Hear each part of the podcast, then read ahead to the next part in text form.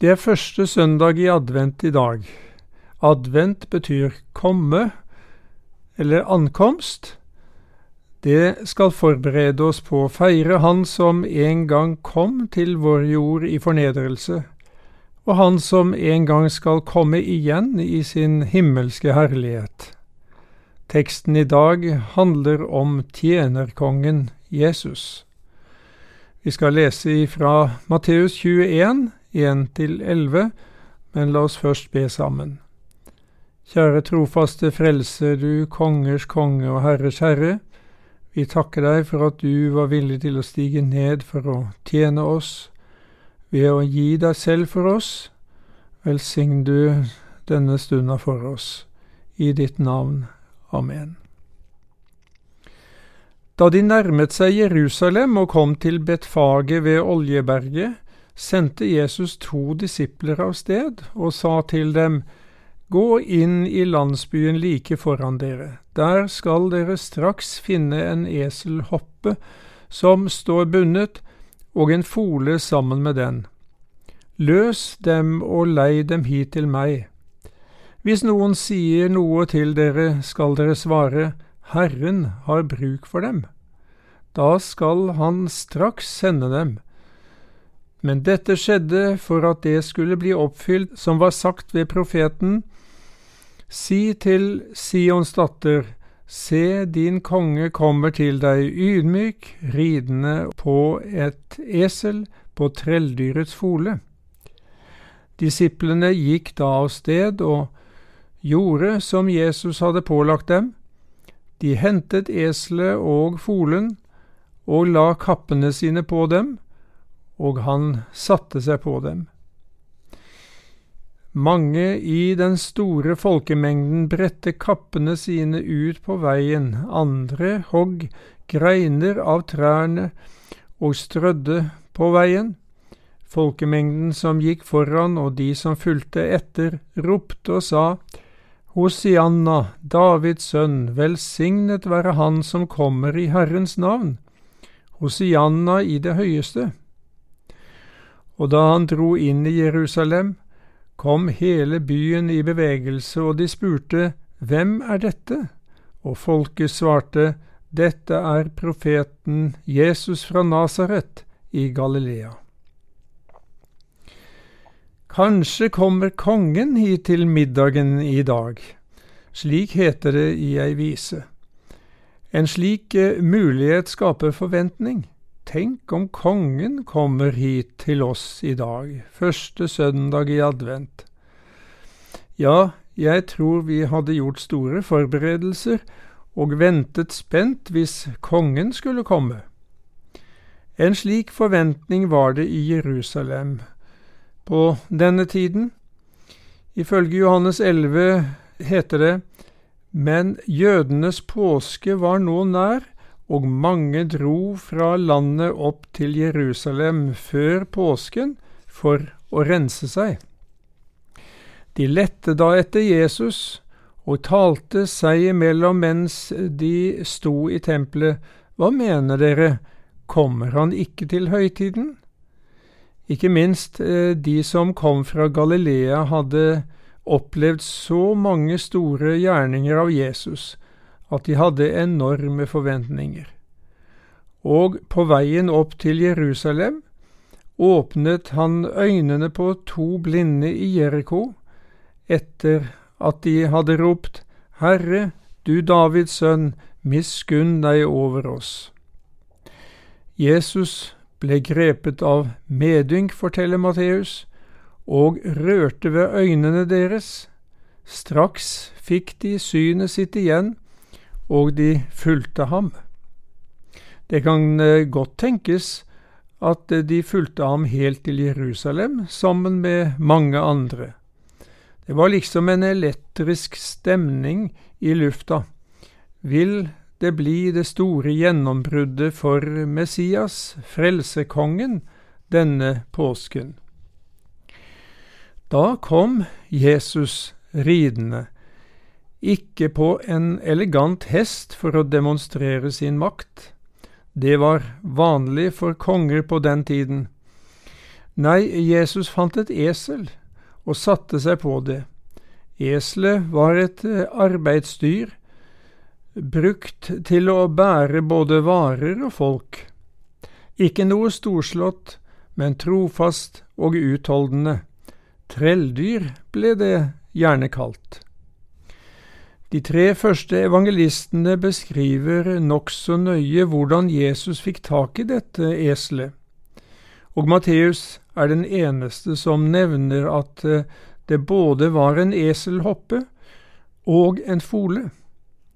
Kanskje er det et uttrykk for barmhjertighet at eselfolen ikke skulle være alene med det viktige oppdraget å bære Jesus for det var folen Jesus primært skulle bruke. Ifølge Markus og Lukas var det ingen andre som hadde sittet på den før. Jeg regner med at det normalt er behov for en viss tilvenning og dressur av eselfoler, slik som med hesteføll. Men her viser folen fullstendig lydighet og respekt for sin skaper og Herre. Samspillet mellom de to disiplene og eieren av eslene viser Jesu fantastiske evne til å koordinere sin virksomhet. Inn i Betfaget ved Oljeberget skulle de si Herren har bruk for dem. Da skal han straks sende dem. Det må tydeligvis har vært en av Jesu disipler i litt videre betydning. Ifølge Markus og Lukas skjedde det akkurat som Jesus sa. Eieren lurte på hvorfor de løste eslene, men lot det skje da disiplene sa Herren har bruk for dem. Hva svarer du og jeg når Jesus gjennom sine tjenere peker på noe i livet vårt og sier Herren har bruk for dem. Kanskje er det noe konkret du eier, kanskje er det noen penger du godt kan være uten, kanskje er det noen av timene du har til rådighet. Herren har bruk for dem. Da sendte han dem straks av sted, uten innvending eller nøling. Det er et godt forbilde for oss. Jesus skulle altså ikke bare ri på et esel, men på en eselfole. Dette var i samsvar med profetien om Messias i Zakaria kapittel 9. Si til Sions datter, se din konge kommer til deg ydmyk, ridende på et esel, på trelldyrets fole. Slik kom han nedover Oljeberget, over Kedron. Det er eh, sikkert mange av oss som har eh, vandret omtrent i dette området. Hvorfor kom han slik? Jo, hvorfor valgte du en eselfole, Jesus? Etter det en sang, du kunne i det minste valgt en hest. Du gjorde deg så ussel og så liten da folkemengden ville lage fest. Svaret ligger i innledningsordene i profetien, slik den er gjengitt i Johannes 12. Frykt ikke, Sions datter, se din konge kommer, sittende på en eselfole.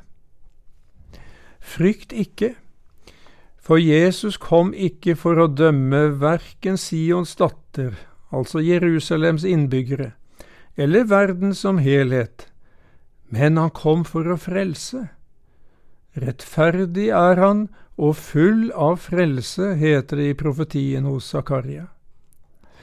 Han kom ikke for å kreve noe av oss, men for å tjene oss. Det var derfor han kom, sittende på en eselfole.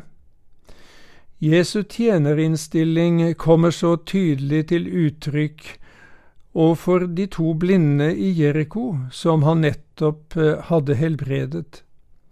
Hva vil dere at jeg skal gjøre for dere? spurte Jesus. Som Guds sønn hadde han hatt all mulig rett til å forlange at vi skulle tjene ham. Men han avsto fra det, for han visste så inderlig vel at det var ingenting å hente hos oss. Ingen av oss er i stand til å tjene Gud på fullkommen måte ut fra oss selv. Synden har gjort oss både ugudelige og udugelige. Vi forbinder gjerne en ugudelig med en som lever et åpenbart syndig liv. Men en ugudelige er en som står imot Gud. Selv om han i det ytre kan leve et fint og ordentlig liv. Men har vi ikke erfart det alle sammen, at det er noe i oss som står Gud imot, noe som protesterer på det som står i Bibelen, noe som vil at vi skal løsrive oss fra Guds vilje. Hva er det? Det er ugudeligheten i oss, det. Den er knyttet til vår medfødte syndige natur og er en del av oss, også etter at vi er blitt kristne. Slik har jeg erfart ugudeligheten i meg hele livet. Det er fryktelig at det skal være slik. Og det tragiske er at det ikke finnes mulighet for oss til å fri oss fra denne ugudeligheten på eget initiativ. Jeg har prøvd, og du har kanskje prøvd du også. Det gjaldt å slutte med både det ene og det andre, og eh, forbedre seg både her og der. Hva har du erfart? Sannsynligvis det samme som Paulus skriver om i Rombrevet 3. Alle er veket av, alle sammen er blitt udugelige. Det er ikke noen som gjør det gode, ikke en eneste. Det betyr ikke at vi ikke kan gjøre noe godt etter menneskelig målestokk. Heldigvis er det mye vi kan utrette for å gjøre livet lettere for hverandre. Men eh, Gud har en mye høyere standard. I hans øyne er bare det godt som er gjort av et hjerte som er fylt av en fullkommen kjærlighet til Gud og til nesten uten noen egoistisk baktanke. Hvem av oss kan si at vi klarer det av oss selv, hele tiden? Det var derfor Jesus kom for å tjene oss, ved å tjene Gud i vårt sted. Han lot seg føde inn i menneskeheten og ble vår bror for at han kunne vise den godhet og kjærlighet som vi var skyldige å vise. Så fullt og helt gikk Jesus inn i vårt sted at vi kan si at han levde vårt liv, og det fullkomment. Tenk, Jesus oppfylte alle Guds bud i mitt sted og i ditt sted. Er det ikke stort? For Kristus er lovens endemål, står det i Rombrevet 10, til rettferdighet for hver den som tror. Men hva med vår ugudelighet og udugelighet? Det har også Jesus tatt seg av, like som menneskesønnen ikke er kommet for å la seg tjene, men for selv å tjene og gi sitt liv til en løsepenge i mange sted, sier Jesus i Matteus 20. Vår ugudelighet og udugelighet har påført oss en ubetalelig gjeld overfor Gud. Men eh, siden Jesus var syndfri, kunne han gi sitt liv til en løsepenge i mange sted. Han kunne betale vår syndeskyld med sitt eget syndfrie liv. Slik ble hans død en løsepenge, altså en gjeldssanering, i vårt sted.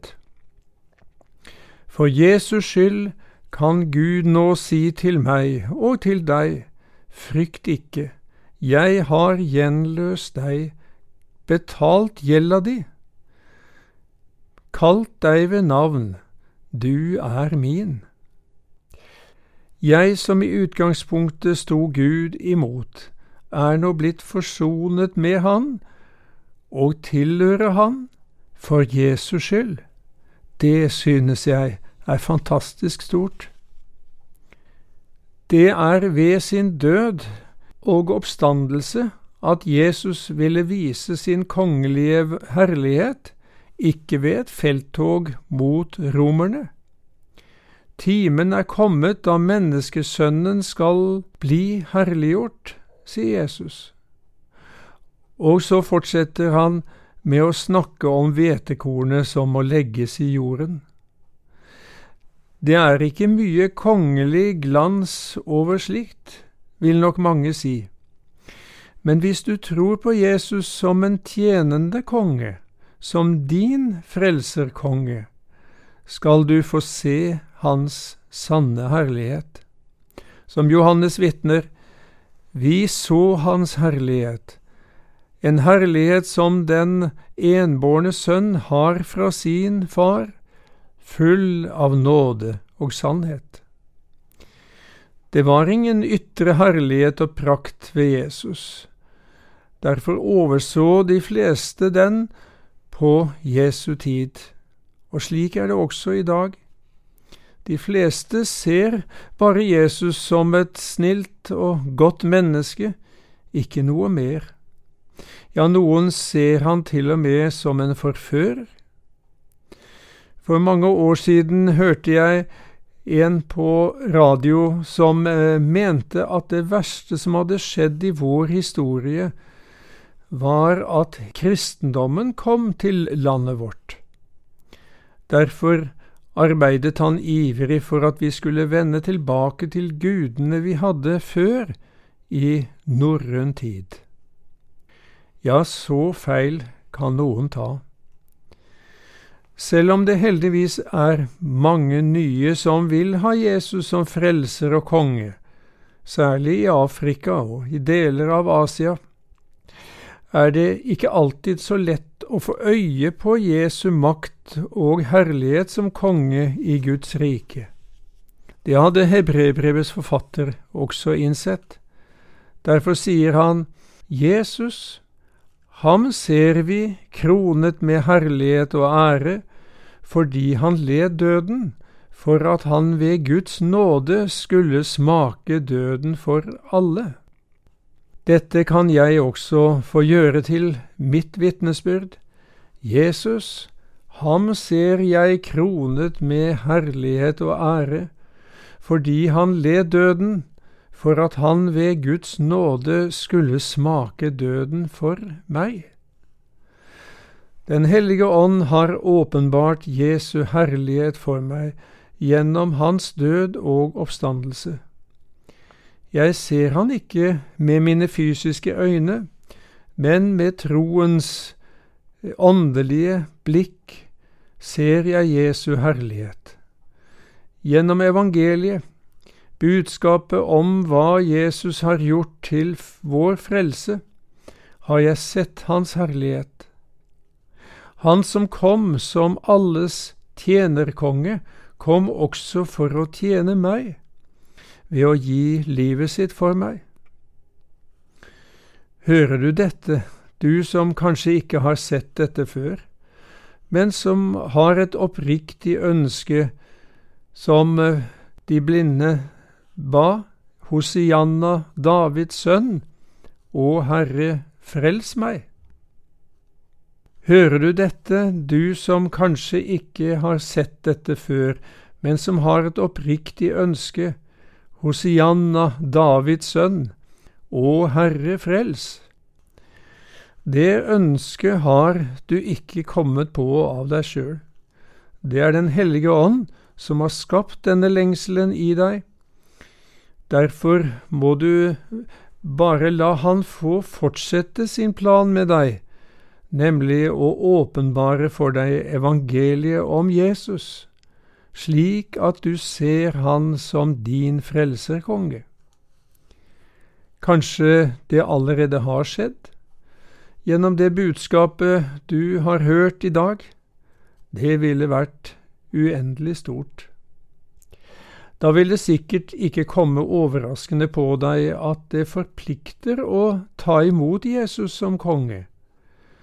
Når eh, han har gitt deg sin tjeneste og frelse, ønsker han å være herre i livet ditt. Han vil så gjerne bruke deg med alt det du er og har, og han vil så gjerne lede deg gjennom livet til den dagen han henter deg hjem til seg i sin himmelske herlighet. For en dag skal Jesus komme igjen, ikke som en tjener på en eselfole, men som kongers konge og herrers herre på en hvit hest. Da skal alle se Hans herlighet, enten de har trodd på ham eller ikke men det er bare de som fikk se Hans herlighet i fornedrelsen, som får del med ham i Hans herlighet i opphøyelsen. De andre blir stengt ute, i fortapelsen.